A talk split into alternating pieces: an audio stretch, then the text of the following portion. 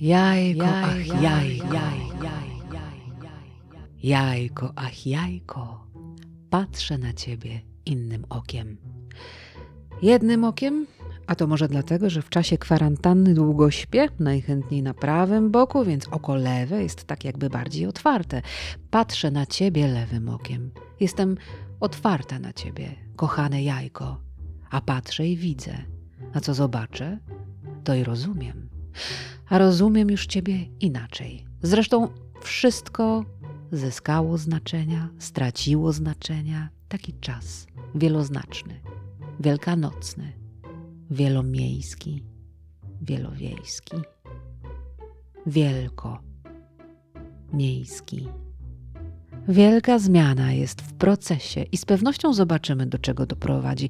A tymczasem się zastanawiam nad tym procesem, któremu ulega jajko, ten doskonale zaprojektowany inkubator. Jego zadaniem jest podtrzymanie życia nienarodzonego jeszcze ptaka.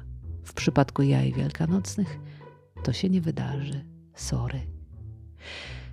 Czy jednak jajko, ach jajko, nie jesteś też po prostu więźniem dla żółtka? I dla białka. A może skorupą bezpieczeństwa, prototypem, barierą antywirusową, antybakteryjną, och jajko.